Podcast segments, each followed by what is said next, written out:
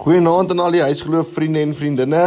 Hoop julle het 'n lekker vakansie gehad en dat julle uitgerus is en dat julle reg is vir hierdie nuwe kwartaal. Ja, daar's nog so 'n bietjie assesserings wat gedoen moet word en toetse wat geskryf moet word en ek glo dat julle almal hard geleer het hierdie vakansie vir hierdie toetse en vraestelle wat nog voorlê.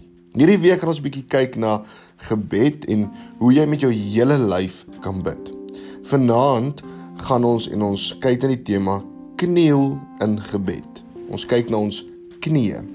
Nou ek weet nie of julle al 'n storie gekyk het of dalk 'n boek gelees het of 'n fliek gesien het van die antieke tyd, die middeleeue waar waar die mense voor mekaar gekniel het nie. Ons sien baie keer dat dat die dat die ridder voor die koning gekniel het. Nou hoekom het die ridder voor die koning gaan kniel? Die ridder het voor die koning gekniel om te wys dat hy het hy wys eer betoon, hy het respek vir vir die koning. Nou hierdie is nie net in die in die in die middeleeue nie, maar dit kom al van die antieke tyd af, die manier van kniel voor iemand en dit wys dat ons het respek vir daardie persoon. Nou wanneer ons na die Bybel kyk, dan sien ons ook baie keer het die mense of die heeltyd het die mense gekniel as hulle in God se teenwoordigheid was. Hulle het op hulle knieë gegaan. Nou dit wys vir ons dat wanneer jy op jou knieë gaan dan dan het jy respek vir God. Jy toon daai selfde respek ook vir God. Nou die Hebreëse woord vir aanbidding word letterlik vertaal om om jou aangesig te buig, om te kniel. Nou hierdie week gaan ons so 'n bietjie 'n gedeelte in Efesiërs kyk en ons gaan die gebed in Efesiërs kyk wat Paulus aan aan aan die mense in Efese gestuur het. En ons gaan so stukkie vir stukkie hierdie gebed hierdie week deurwerk en dan gaan ons kyk wat hoe ons ook hoe ons ook kan bid met ons hele liggaam.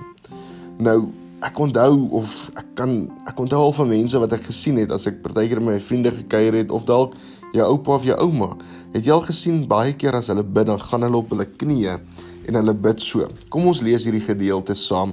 Dis Efesiërs 3 vers 14 tot 15. Dit begin so: Daarom kniel ek in gebed voor die Vader, aan wie die hele gemeenskap van gelowiges in die hemel en op die aarde sy bestaan te danke het. Nou daar's so drie vrae, twee vrae waar ons gaan gesels. Die eerste vraag is: Waar kniel ons gewoonlik? Hoe kom kniel ons? Ek dink sommer aan wanneer jy besig is om in die tuin te werk, dan kniel mens mos om om daarso die die die die grond om te werk of om die bossies uit te trek. Waar het jy al gekniel? Hoekom begin Paulus sy gebed met die woorde daarom kniel ek?